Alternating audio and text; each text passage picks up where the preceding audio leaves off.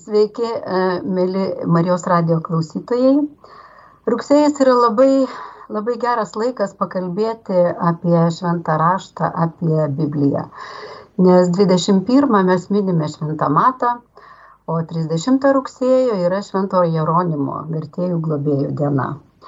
Tai dėl to šį kartą ir susitikome pakalbėti apie, apie Dievo žodį ir kalbėsime trise du vertėjai ir dideli Dievo žodžio mylėtojai, tai bus Gedrius Saulytis ir kunigas Algirdas Akelaitis.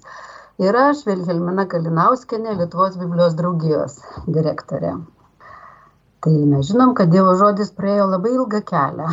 Nuo žodinės tradicijos iki spausdinto žodžio, iki galimybės klausyti per ausines ar skaityti ekrane, kai mūsų neberiboja nei vieta, nei laikas. Tačiau tuo kelias, aišku, nesibaigia, jis eina toliau ir yra organizacijos, kurios ypatingai rūpinasi Dievo žodžiu. Tai viena iš jų yra Junktinės Biblijos draugijos, kurios viena iš 150 narių yra ir Lietuvos Biblijos draugija. Ir paskutiniai pasaulinėje asamblėjoje buvo dar kartą patvirtinta, kad Biblijos vertimas yra pagrindinė mūsų užduotis kuria siekiama kiekvienam suteikti prieigą prie Biblijos jų pageidaujama kalba. Ir statistika sako, kad apie 70 procentų visų vertimų yra inicijuoti ir atlikti būtent Biblijos draugijose.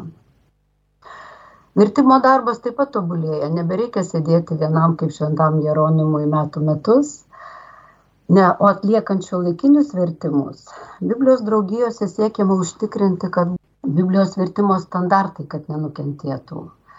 Ir tie reikalavimai vertimo kokybei kyla, daug energijos yra skiriama ir mokymui, ir kuravimui, ir konsultavimui, tikrinimui, tyrimams. Ir yra specialios vertimo programos, kuriuose yra lengvai prieinami visokie žodynai, naujausi archeologiniai tyrinėjimai ir naujausi moksliniai straipsniai. Taigi yra labai akivaizdi techninė pažanga vertimo reikaluose. Ir galime konstatuoti, kad Dievo žodžio prieinamumo problema, bent jau Lietuvoje, yra tikrai išspręsta, jos, jos neliko. Bet koks bebūtų prieinamumas, kai kas liko.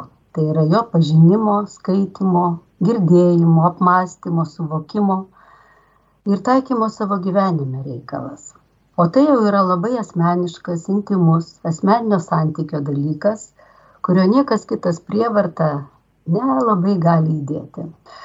Tai gal giedriau paprašysiu tavęs pratęsti kokia gi yra ta dievo žodžio reikšmė? Kodėl jis vis išlieka toks svarbus mums? Dievo žodis svarbus, nes visų pirma atveria Dievo paveikslą. Dievo žodis pamaitina žmogaus sielą, veda į tiesą, na ir dovanoja, jei tikime, amžinai gyvenimą. Skaitydami Bibliją pradedame suvokti, koks yra Dievas, koks Dievo santykis su žmogumi. Būtent Dievo žodis padeda mums iškeisti susikurtus Dievo paveikslus, kurie yra nekas kita kaip mentaliniai stabai, iškeisti į gyvojo Dievo pažinimą.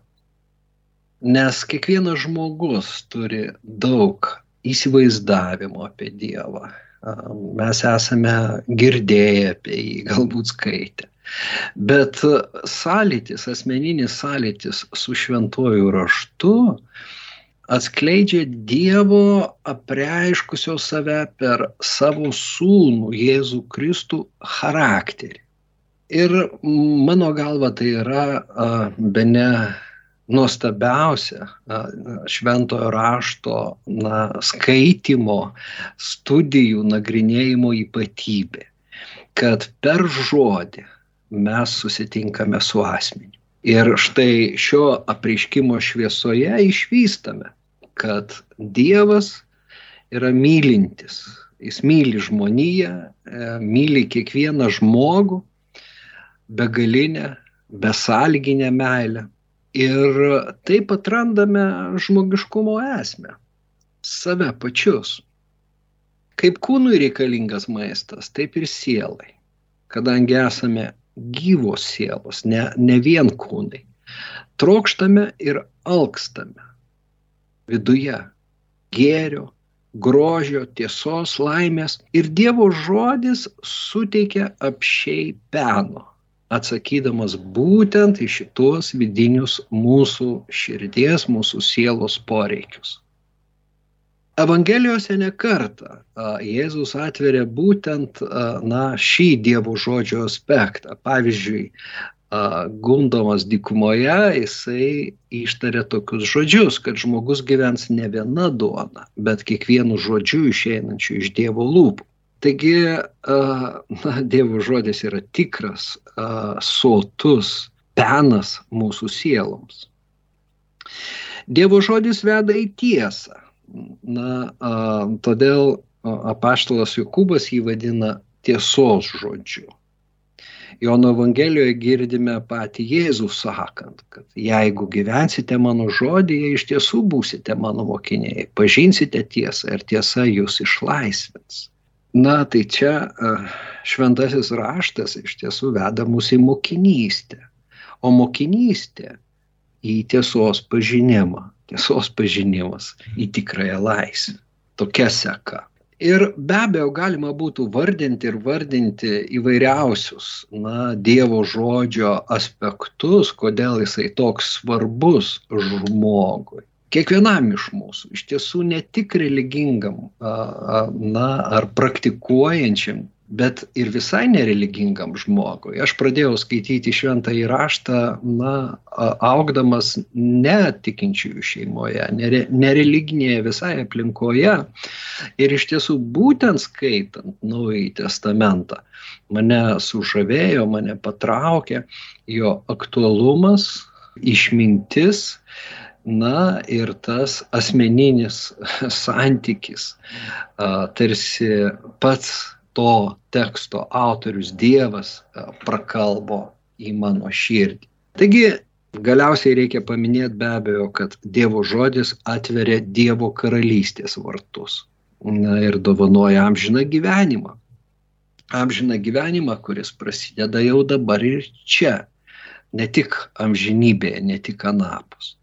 Štai Petras sako, jūs esate atgimę ne iš pranykstančios, bet iš nenykstančios sėklos, gyvų ir pasiliekančių Dievo žodžiu. Na, tas regimas pasaulis, mūsų regimybė, kas Biblijoje vadinama dažnai kūnu, jis praeina, jis suyra. Visa kūrinyje yra na, toje įrimo vergystėje ir susiduria su mirtim.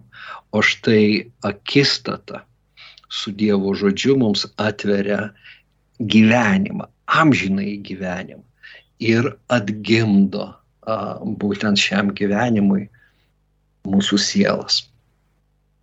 Man atrodo, kad pirmiausia, jeigu kalbam apie tendenciją, tai pačią pirmiausią tendenciją turėtumėm paminėti, jog apskritai šitie tekstai ir išsaugoti, ir perduoti buvo dėl to, kad jie buvo suprantami kaip tikėjimo knyga mes puikiai suvokiame, kad na, anuo met, kai šitie tekstai buvo užrašyti, arba netgi dar anksčiau, kai jie buvo perdodami iš lūpų į lūpas, tie pasakojimai, tai jie turėjo daugybę, vaizdžiai tariant, konkurentų. Ten buvo ir kitų gražių pasakojimų, kitų rimtų mokytojų, bet kažkodėl vat, šitie pasakojimai, šitie žodžiai buvo palaikyti žymiai vertingesniais už kitus ir juos buvo pasirinkta išsaugoti, juos buvo pasirinkta perduoti. Ir turbūt pats pirmiausias motyvas yra būtent tikėjimas ir kad tai yra na, būtent tikėjimo knyga pirmiausiai. Bet kalbant apie modernesias tendencijas, jau galime kalbėti ir apie tai, kad šiandien Biblija suvokiama kaip e, toks literatūros paminklas, kad Biblijoje yra ir daugybė netgi tokios, galėtumėm taip sakyti, e, greta tikėjimo atsirandančios informacijos apie anometinę kultūrą, papročius, gyvenimo būti.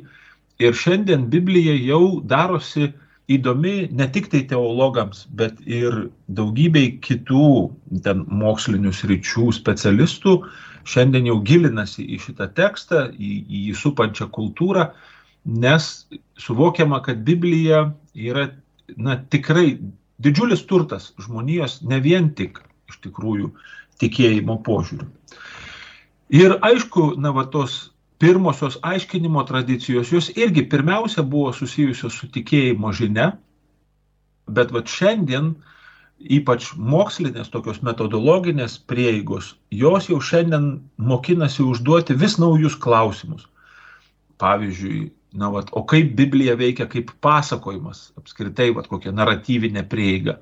Arba, na, vat, o kaip Biblija veikia kaip tokio socialinio audinio atspindys. Vat, ką, pavyzdžiui, Biblijoje vienoks ar kitoks Marijos titulas rodo apie jos vat, socialinį statusą, apie jos vietą visuomenėje ir panašiai.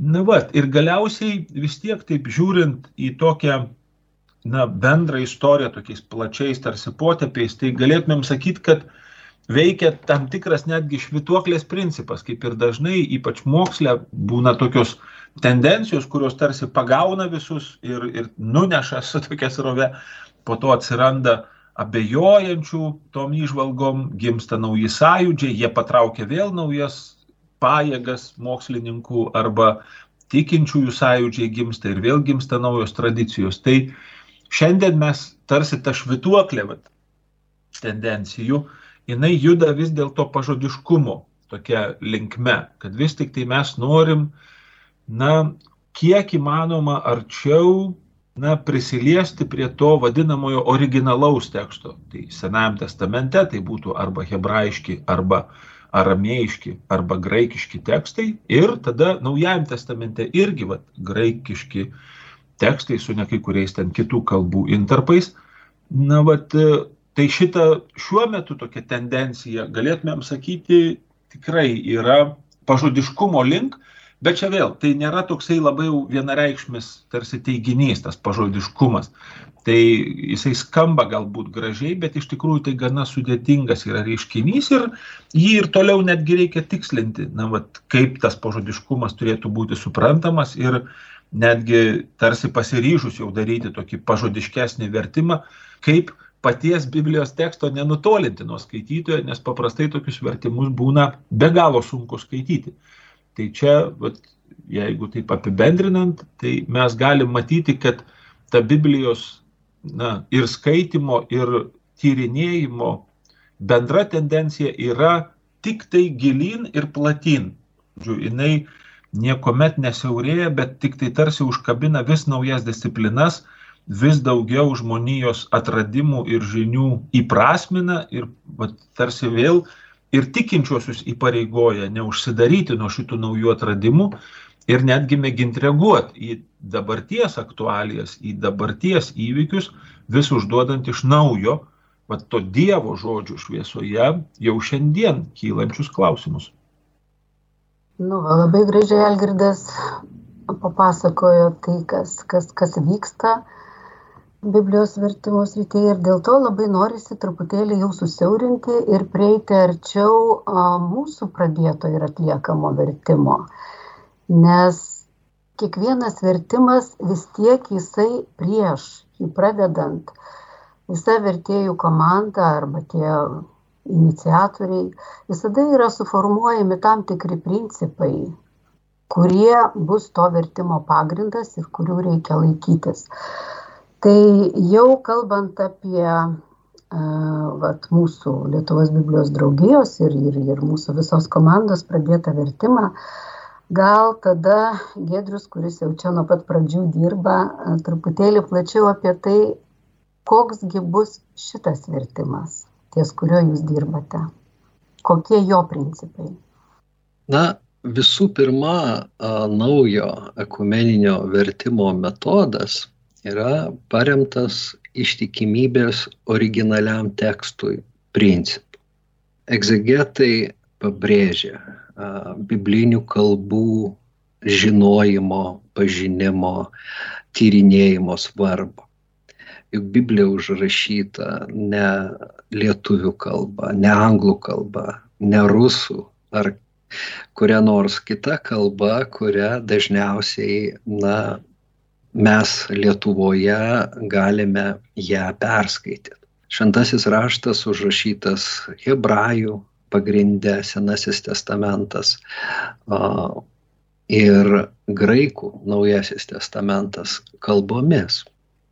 Tad, na, ypatingas dėmesys yra skiriamas būtent originaliam tekstui, kuris yra išlikęs, be abejo, ne na, nuorašų pavydalu, nes pirmosios kopijos mūsų nepasiekė, bet lyginant, sakykime, su klasikiniais tekstais šventojo rašto išlikę papirusuose ir kituose, reiškia, pergamentuose tekstai yra nutolę iš tiesų nuo parašymo labai nedaug, labai e, na, siekia iš tiesų pirmosios e, tos ištraukos e, pirmo amžiaus pabaigą, antro amžiaus pradžią.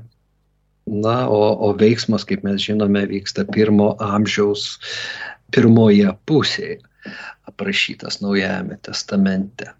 Taigi, tas originalus tekstas yra pagrindas ir nuo jo nutolti mes negalime, nenorime, priešingai siekiame skaitytoje priartinti prie šito graikiško teksto šiuo atveju, kadangi verčiamas Naujasis testamentas.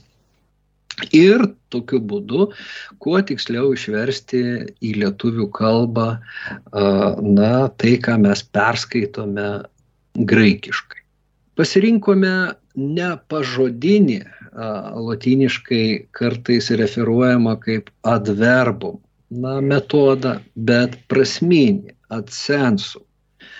Todėl, kad, na, išversti atskirus žodžius įmanoma ir neperteikiant minties frazeologizmai, e, na, to meto kalbos e, įvairūs išsireiškimai e, sutinkami ne tik tai šitame šaltinyje, bet ir kitose šaltiniuose. Iš tiesų, na, verčia pripažinti, kad prasminis vertimo metodas turi šiek tiek pranašumo nei pažodinis. Taigi verčiami ne žodžiai, bet mintis, tačiau mums visiems e, labai svarbus yra, na, ir tas žodis. Dievo žodis, pasak paties Jėzaus, yra toks reikšmingas, kad nei viena jota negali iš jo, e, na, iškristi. Pati mažiausia raidelė turi savo reikšmę, savo vietą ir Todėl, e, na, vat, viena naujovė, bent jau šiuose leidiniuose, kurie dabar e, yra Biblijos draugijos leidžiami, yra tie įterptiniai bliškesnių šriftų pažymėti lietuviški žodžiai, kurių mes neturime graikiškame tekste, bet be kurių tas tekstas yra neaiškus. Na, pavyzdžiui, laiškas romiečiams prasideda apaštalo Pauliaus prisistatymu, kai jisai sako, Paulius, Kristaus Jėzaus vergas, pašauktas apaštalas, skirtas Dievo Evangelijai. Na ir kaip dabar jis skirtas Dievo Evangelijai. Na, todėl tenka įterpti tą žodelį skirtas skelbti Dievo Evangeliją. Na ir mintis tampa iš karto aiškesnė, bet tas žodelis skelbti, na, skaitytojai gali pasufleruoti, koksgi yra tas originalus graikiškas tekstas. Be abejo, net ir tai ne visur pavyksta įgyvendinti, nes kalba yra, na, kaip ta gyva upė, jinai teka ir, ir ją, ją, ją papildyti, pastatyti kažkokias užtvankas ar, ar pakreipti yra labai sudėtinga. Ir netgi vat, tą, sakykime, tiltą nutiesti irgi, na, kartais nėra taip lengva. Bet ką dar galėtume pasakyti apie, na, šį naują ekumeninį vertimą?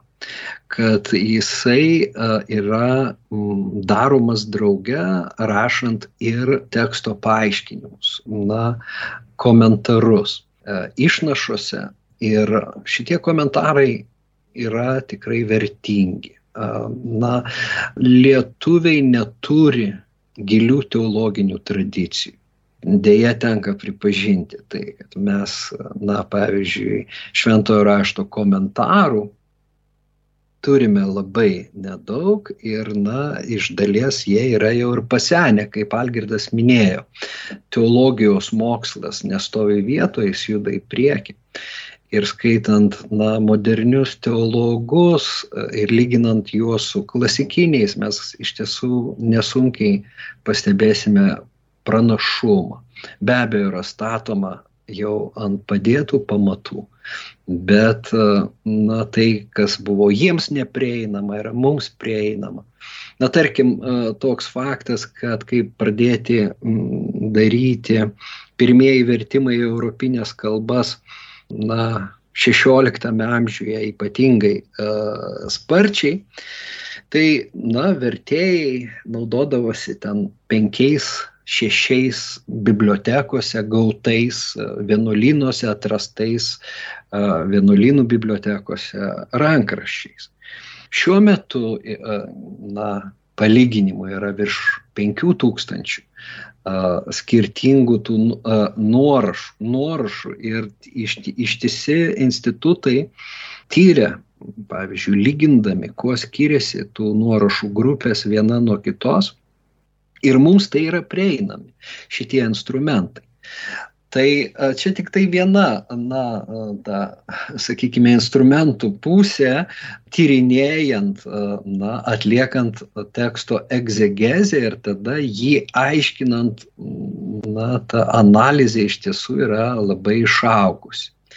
Tai vad, tai na sakyčiau kad komentarai bent siekiama kad komentarai atitiktų šiuolaikinių nu akademinių komentarų išleistų svetur tose tautose, kur, kurios turi gilias iš tiesų teologinės tradicijas ir na, atitiktų tuos standartus, šiandieninius standartus.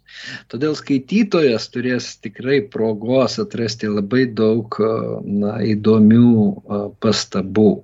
Ir na, dėmesys telkiamas ir ne, tiek į temą, na, ar laiško, ar, ar evangelijos, tiek į autoriaus, na, reiškia, rašymo stilių Na, komentaruose analizuojama taip pat yra analizuojamos teologinės savokos, aptariami kai kurie svarbus graikiški žodžiai, jų vartosena. Na ir išskiriamos taip pat skirtingos teologinės pozicijos tokių poleminių, sakykime, vietų, kurių prasme nėra vienareikšmė ir tos pozicijos e, yra įvardinamos, e, aptariamos. Taigi, e, na, ką aš ir minėjau, rankraščių skirtumai, jeigu jie yra reikšmingi, irgi aptariami. Na, pavyzdžiui, man pačiam buvo atradimas verčiant pirmą laišką tesalonikiečiams, galvodavau anksčiau, kodėl skiriasi tie vertimai na, toje eilutėje, kur apaštalas sako, kad mes buvome tarp jūsų tarsi vaikai. O štai lietuviškam vertime mes skaitome, mes buvome švelnus. O pasirodo, tai yra du graikiški žodžiai, e, kurie skiriasi tik, tik viena raidelė. Nepijoj yra vaikai ir epijoj švelnus ir na, vienose rankraščiuose tos vienos N raidelės nėra ir, ir kinta vertimas. Štai komentare galim perskaityti, kodėl taip atsitinka. Taigi, na, manau, įvardinau pagrindinius principus iš tiesų ir, na, uždavinius, kuriuos mes išsikėlėme savo. Ir jau pats skaitytojas tegul e, galiausiai įvertins, kiek mums pavyko tų išsikeltų uždavinių pasiekti. Algirdai, gal ką nors pridurti, dar ekumeninis principas tiesa yra ir ir, ir, ir autorių, taip sakant, toks nu, pajūtimas jų kalbos. Tai e, iš tikrųjų Gedrius e, labai gražiai sudėliojo tuos principus, e, na, kurie tokie yra kaip, na, sakykime, toks tarptautinis kokybės ženklas. Na, mums jau tai yra tiek įprastas šitas principas, kad mes gal jo net nebepastebim. Ir, sakyčiau, šito vertimo didysis skirtingumas nuo iki šiol buvusių lietuviškų vertimų, kad vis dėlto mes laikomės turbūt vieno iš tokio pagrindinių tarptautinių standartų, kad vertimas turi būti komandinis darbas. Vis dėlto iki šiol buvusių lietuviškų vertimų, na, toksai vat, rimtas, sakytumėm, priekaištas jų kokybei buvo tai, kad tai būdavo autoriniai vertimai. Mes juos net taip ir vadinam, sakom, ten Kavaliausko vertimas, Rupšio vertimas, ten dar, nes, na, aišku, tie žmonės irgi jie nedirbo po vieną, jie, na, nebuvo taip, kad jie darbuotųsi pavieniui, bet, sakyčiau, turbūt, na, Lietuvos taip vertimų istorijoje po kvanto vadinamojo vertimo, kuris buvo toks jau irgi komandinis darbas, tai vėl turbūt, na, daroma jau moderniuoju laiku, tai turbūt vienintelė tokia pastanga sutelkti uh, tikrai kompetitingų mokslininkų grupę, kurie dirbtų kaip komanda, peržiūrėdami vieni kitų darbą ir drauge kažkaip, na, va, tokiuose diskusijose ieškodami bendrų sprendimų. Tai čia aš manau, kad šitam vertimui, net ir tarptautinė prasme, tai jau yra didžiulis toksai tarsi pliusas link jo kokybės, nes tikrai jau moderniesiams vertimams tas vadinamas autorinis darbas, kai vat, vienas žmogus atsisėdęs išverčia, jau tai nebelaikoma jokių privalumų, greičiau kaip tik netgi sakoma, kad na, tai čia to teologo nuomonė yra, bet kad jau tai taptų tokiu na, pripažintų vertimu, tai retai kada. Ir vėl tai dažnai daroma taip, pavyzdžiui, koksai nors mokslininkas rašo komentarą tai ar kitai knygai, dažnai jisai padaro pats savo vertimą, bet tie vertimai niekuomet netampa na, va, tarsi tokia bendra bažnyčios nuosavybė, kad e, va, na, bažnyčios suteiktų tokį autoritetingumą tam ar kitam vertimui. Tai yra toks labiau vertimas, kurį pasidaro žmogus tam, kad jam patogiau rašyti taip komentaro tada jau tekstą. Taip pat e, jo reikėtų pabrėžti ir tą ekumenizmo principą, kad šitam vertime yra labai sąmoningai daromas pasirinkimas neakcentuoti tos ar kitos tikėjimo bendrijos na, vat, e, doktrininių įsitikinimų. Ir tai galioja net ir draugė mūsų bendrai kaip krikščioniškų, na, tarsi doktrininių įsitikinimų. Vat irgi tokį pavyzdį visai neseniai, va čia iš praeitos savaitės diskusijos, na, vat kai yra ta scena, kad minios plūdo pas Joną Krikštytoje ir, na, kaip ir reikėtų rašyti ten, na, priimti krikšto, bet e, iškart visoji komandai kilo toksai tarsi, na ne, žinai, priimti krikšto tai jau skamba beveik kaip sakramentas. Na, va, ir ten buvo tada padarytas sprendimas, kad praleisti tą žodį priimti krikšto, nes, na, nes tikrai mes tada tarsi primestumėm jau krikščioniškojo sakramento turinį tam veiksmui, kuris, na, tikrai dar nebuvo sakramentinis. Tai buvo atgailos toksai panardinimas į vandenį ir na, vat, su, tai, su ta doktrina kartais tenka tikrai labai taip subtiliai sureaguoti, kad nepadarytumėm šito teksto, na, tarsi šališko, bet kad vienos ten krikščionių bendrijos teologija labiau akcentuojama negu kitos. Ir paprastai jau kur mes, vat, kaip vertėjų komanda, užčiuopiame, kad čia gali tarsi tas tekstas darytis na, toksai šališkas interpretacijos prasme ar vieno ar kito žodžio vertime parinkimo prasme, tai mes tada stengiamės iš tikrųjų imti tokį vertimo variantą, kuris tarsi na, nesuteiktų vienai ir kitai bendruomeniai pirmumo teisų, nes tas ekumenizmo principas jisai kaip ir reikalauja kaip tik gilintis į Kristų su visa jo įvairovė ir va, su, visai, su visais tais turtais, kuriuos viena ar kita krikščionių bendryje yra atpažinusi, bet neteigiant vienos krikščionių bendrijos pirmumo prieš kitas. Na va, ir be jokios abejonės, na, visi šitie principai, jie galiausiai taip reikėtų sakyti, kad dar vienas toksai kaip ir kokybės ženklas, tai yra, kai nei vienas iš šitų principų tarsi neįgauna irgi tokios absoliučios na, galios kitų principų atžvilgių. Nes, vat, pavyzdžiui, net ir tai, ką Gedrius sakė, kad mes labai kreipiam dėmesį į žodį. Ir tikrai mes tą stengiamės daryti, bet jeigu mes jau pamatome, kad šitam principui tarsi jau per daug garbės ir jau jisai pradeda diktuoti kai kuriuose vietose, tai tada tikrai labai paprastai sakom, kad na ne, čia negali būti tokios pusiausvyros praradimo to ir kitoj vietoj ir tada stengiamės vėl kažkaip tai ieškoti pusiausvyros tarp visų mums prieinamų įrankių, arba, na, tokių irgi kokybės standartų, bet kad nebūtų tarsi vienas pasirinktas kitų sąskaita. Tai ir šitas toks pusiaus, sveikos pusiausvyros principas, man atrodo, irgi yra mūsų darbe akivaizdus ir, ir labai svarbus, vertingas. Šiuo metu o, Biblijos draugijos yra skatinamos ir šiaip neorganizuojami e, atskirų mokslininkų ar, ar pavienių asmenų vertimai, yra daromi tik tai komandiniai darbai ir aš manau, kad nuo to tik tai e, laimi pats vertimas. Čia pat jau turbūt yra laikas pasakyti, kad mūsų komanda yra taip pat, ją sudaro septyni, septyni žmonės, kurie šiuo metu dirba prie vertimų ir, ir, ir yra pasitelkiami ir graikų kalbos specialistai, ir lituanistė, kurie, kurie kiekvienas turi savo indėlį, verčiant ir komentuojant ir, ir diskutuojant.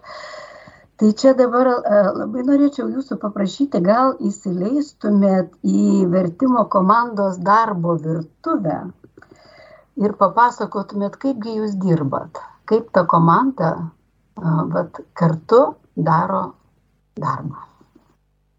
Na, galiu aš pradėti. Iš tiesų, tą jau tekstą kurį mes svarstome drauge, vis tiek išverčia vienas žmogus.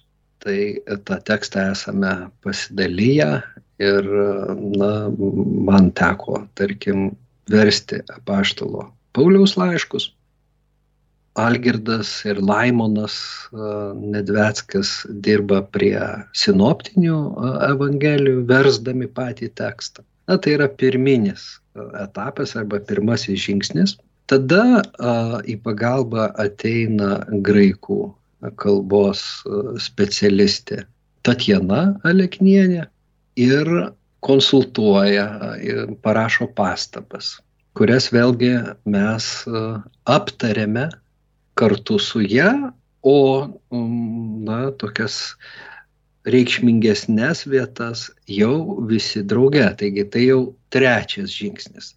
Ir vyksta reguliariai mūsų kaip komandos susitikimai, kuriuose mes būtent jau visi susitelkėme ties tuo kažkiek jau apdirbtų tekstų, ypač jo tomis mažiau aišk, aiškiomis arba na, ne vienareikšmėmis vietomis.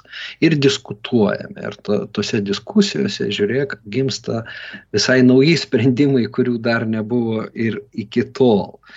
Tai, na, tas darbas atrodo maždaug taip ir lietuvių kalbos profesorė, na, žiūri, kad iš tiesų tas vertimas būtų norminės lietuvių kalbos ribose atitiktų jos reikalavimus. Tai maždaug taip, gal kažką aš ir praleidau, kažko ne, nepaminėjau, Algirtai.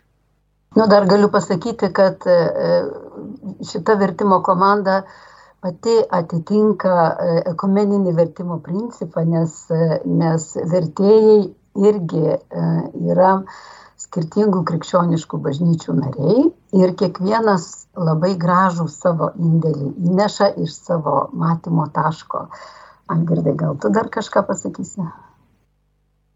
Tai aš galvoju, gal net iš tam tikrai kito kampo dar galima kalbėti trupučiuką apie tikslą, na, va, iš vis to tokio komandinio darbo, nes aišku, kad visas tas komandinis darbas ir nu, tas principas, kuris kaip toj virtuviai, galime sakyti, jis išsiskleidžia, tai be jokios abejonės yra pirmiausiai sutelkti įvairias kompetencijas. nes net ir mes kiekvienas, paėmus atskirai, na tai ten vienų teologinis, kitų lingvistinis, trečių ten egzegetinis e, išsilavinimas yra, bet mes dar kiekvienas turim po to ir savo, na, tą vadinamą tokią domėjimosi sritį, mums rūpi kai kurie dalykai ir be jokios abejonės, kuo daugiau tų kompetencijų sutelkiama, tuo pačiam vertimo darbui yra tarsi į naudą.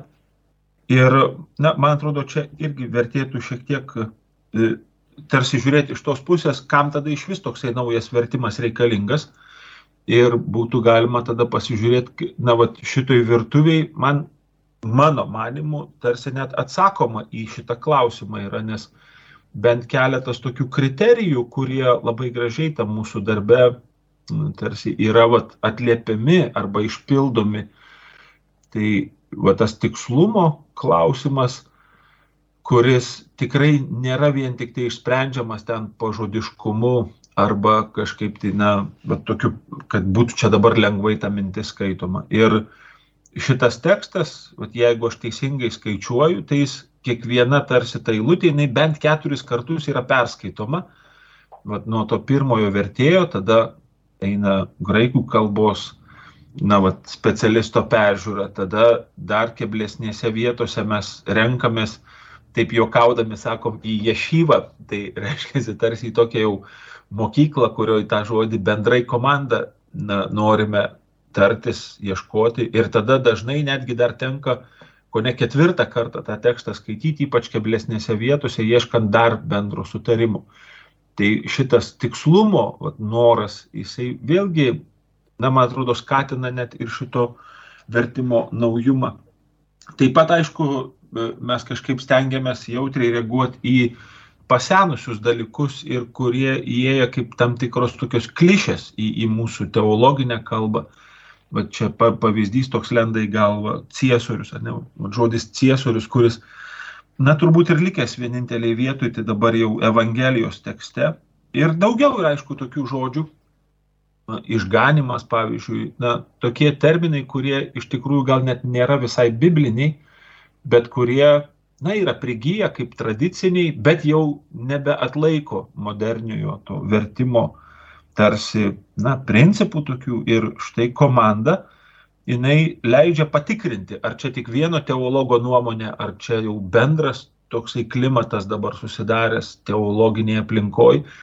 Ir daugelis tų sprendimų kartais tiesiog vienbalsiai yra taip, taip, šitaip reikia daryti, O dėl kai kurių kitų sprendimų diskusijos na, tęsiasi, tęsiasi ir na, yra vietų, kur mes po šiai dienai, pavyzdžiui, dar nesam netgi prie tarsi tokio bendro sprendimo.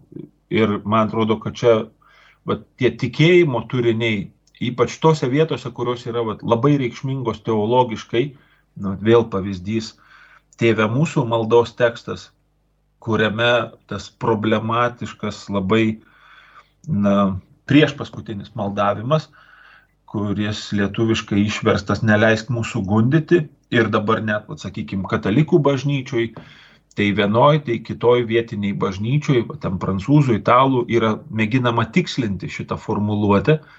Na, vat, ir, ir mūsų komanda lygiai taip pat jau kilintą kartą renkasi dėl šitos maldos, bendrai diskutuojame, ieškome sprendimo, kaip vis dėlto tą tekstą pamėginti na, ir originalui ištikimų tokiu principu ir drauge, na, vad skaitytojų suvokiamų būdu, nusakyti lietuviškai. Ir vėl dar ten gramatikos tikslinimo klausimai, kur mums vėlgi kartais taip nu, nusistovėja tradiciškai, pavyzdžiui, tas lietuviškasis vardan, kuris kartais netgi klaidingai išreiškia mintį ir vat, vėl tas principas, kad tarsi mums tenka pabūti specialistais, na, tokių sričių, kur gal net ne mūsų pirminio išsilavinimo, jau sakykime, sritis, bet tada bandom žiūrėti, o kaip mes suprantam, kaip mums atrodo tasai žodis. Na, va, tai čia iš tokių, na, tarsi dėlionių mes ir gauname, kam tada iš vis reikalingas tas naujasis vertimas.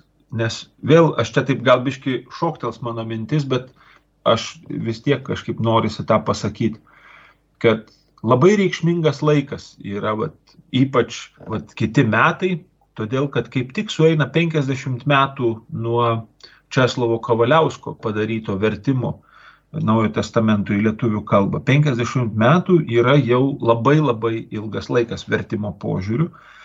Ir tai, kad dabar na, va, Biblijos draugija tarsi sutelkusi jėgas ir pasitikėdama Lietuvos va, teologais daro šitą vertimą, tai man atrodo čia irgi, na tokia Biblijos draugijos gal jau virtuvė graži, tokiu makro masteliu žiūrint, kad ir čia yra sureaguota į vat, Lietuvos situaciją ir duodama tą pagalbą Lietuvos vat, tikintiesiems, na, atnaujinti savo tikėjimą, atnaujinti savo vat, tą meilę Dievo žodžiui, tarsi priemant šitą ruošiamą naują vertimą, kaip, na, tikrai, vat, ne tik literatūros vėl tokį kūrinį, bet drauge ir tikėjimo dokumentą. Tai čia, man atrodo, svarbu ir nepamesti iš akių, kad mes ir pasaulinės krikščionijos esam dalis ir kad čia mes žengėme koja kojon. Vat, tokia ir ta krikščionijos virtuvė turbūt yra pakankamai svarbi. Kai kalbėjome apie naujo vertimo ypatumus, verta paminėti ir tai ypač ir Pauliaus laiškuose, bet ir visur, visur ir sinoptinėse evangelijose, ir Jono raštuose iš tiesų mes kreipiame dėmesį į nuoseklų teologinių savokų vartojimą. Jeigu tas pats autorius naudoja, vartoja tą patį terminą, tą patį žodį, stengiamasi būtent e, tą atitikmenį, jeigu įmanoma, atrasti ir lietuviškai ir nekaitalioti.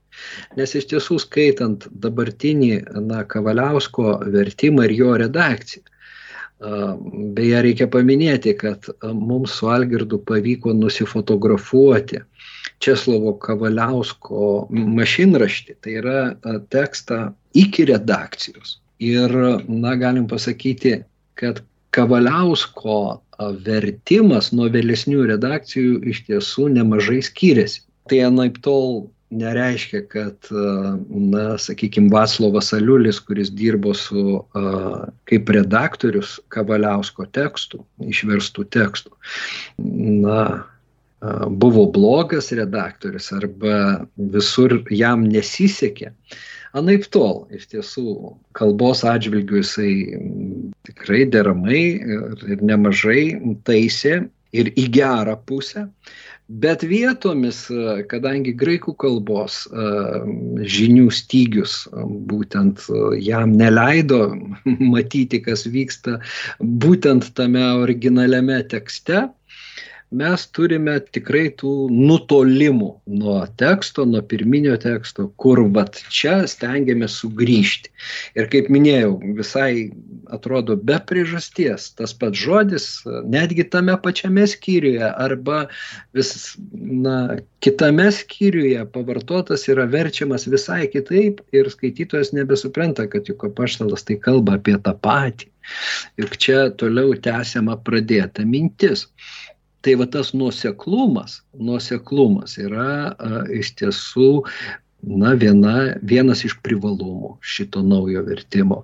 Galėčiau iš Pauliaus pateikti vat, pavyzdį šitą veiksmažodžio keno. Labai svarbi yra teologiniai terminijoje savoka, kenozė, kenozės savoka. Tai yra va, tas Dievo sunaus nusižeminimas. Bet pats veiksmažodis yra toks, na, jo reikšmės yra ištuštinti, išeikvoti, visai nusiaupti ir panašiai. Ir kaip dabar tas, na, Dievo sūnus, kuris buvo Dievu, bet padarė save nieku.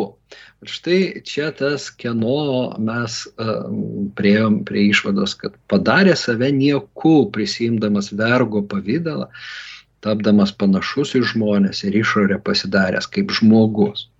Ir iš tiesų, vat toks sprendimas padeda nuosekliai išlaikyti kieno vartoseną ir kitame Pauliaus laiške, pirmame laiške korintiečiams kur mes skaitome, kad na, Paulius buvo pasiūstas Evangelijos kelbti ir negudrė kalba, kad Kristaus kryžius nebūtų paverstas nieku. Tai vad dvi vietos, tas pats veiksmažodis ir mes, na, turime padarę save nieku ir kad Kristaus kryžius nebūtų paverstas nieku. Aišku, dabartiniuose vertimuose tų sąsajų tikrai nėra, galbūt aš ten ne, neatsimenu, yra verčiama, kad Kristaus kryžius e, neprarastų galios, reiškia visai laisvai staiga keno, e, na, ta kenozė yra interpretuojama ir, na, neišlaikomas tas nuoseklumas. Na, tai vad tai verta įvardinti, kad, na, tie, kam iš tiesų Dievo žodis e, yra reikšmingas ir kas sutinka, kad jame taip laisvai varijuoti mes, nu, neturime teisės, nes, nes iš tiesų prisiliečiame prie šventenybių, prie na, nepaprastai švento Dievo a, minčių ir taip norisi, kad jos tokios, kokios na, išėjo iš apaštalo lūpų, pasiektų ir mus. Tai čia galim būtų labai daug dar kalbėti apie, na, ir tuos sunkumus. Pauliaus tekstai iš tiesų reikalavo labai daug, na, tokio detalaus aptarimo su mm, daktarė Tatjana Aleknienė, na, nes Paulius buvo išsilavinęs. Sakykime, jis labiausiai išsilavinęs iš Naujojo testamento autorių. Paulius gali iš atminties cituoti filosofus antikos, poetus, na, savo laiškuose jisai iš tiesų kaip fariziejaus sūnus buvo susipažinęs ir išėjo patį geriausią ir judėjų išsilavinimą. Na, tuo tarpu pirmieji apaštalai iš Galilėjos, ar ne, net apaštalų darbų knygoje įvardinami kaip tokie, na, neiš, neišmanantis, agromatos, ne, ne, na, tikrai neišėję nu, tų mokyklų, kaip, sakykime, apaštalas Paulius. Tai bet tuo jisai skiriasi Na ir nežinau, gal čia aš šitoj vietoje ir sustosiu, kad Pauliaus laiškai yra na, nepaprastai svarbi naujojo testamento dalis ir manau, kad vat, tas šviežumas juose turėtų būti na, išgyventas, pajaustas skaitytojo. Ačiū labai Jums už tokį nuoširdų pasidalinimą ir tikriausiai mūsų pokalbį jau laikas pabaigti, o vertimo darbą tęsėme ir šiais metais turbūt mes užbaigsime visų evangelijų vertimą ir tikriausiai gal kitų metų pradžioje jau galima bus išleisti ir sinoptikus jūsų dėmesiui. Turiu pasakyti, kad didelis džiaugsmas yra mm, matyti, kaip dirba šitie žmonės, šita mūsų vertimo komanda, kokie yra nuoširdus ir mylintis Dievo žodį, kaip jie moka įsiklausyti vienas į kitą ir, ir, ir moka diskutuoti ir dėl to yra labai smagu.